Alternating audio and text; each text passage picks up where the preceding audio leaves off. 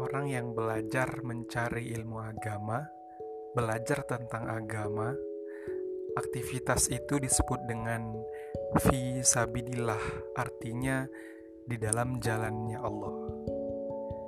Jadi posisi kita saat ini, detik ini, menit ini, kita di dalam keadaan fi sabidillah, di dalam jalannya Allah. Karena kenapa? Kita menjelaskan agamanya Allah, menguatkan sunnah dari utusannya. Pahalanya pol dari sisi Allah. Pahalanya sangat besar sekali darinya. Nabi bersabda, An Sahal ibni Sa'idin Kola Kola Rasulullah Sallallahu alaihi wasallam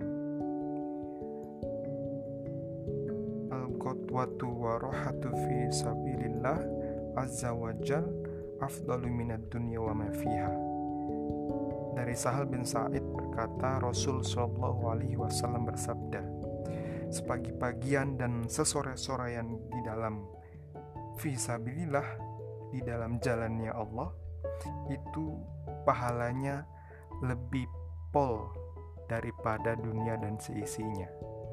Pahalanya lebih pol, lebih besar, lebih mulia daripada dunia dan seisinya.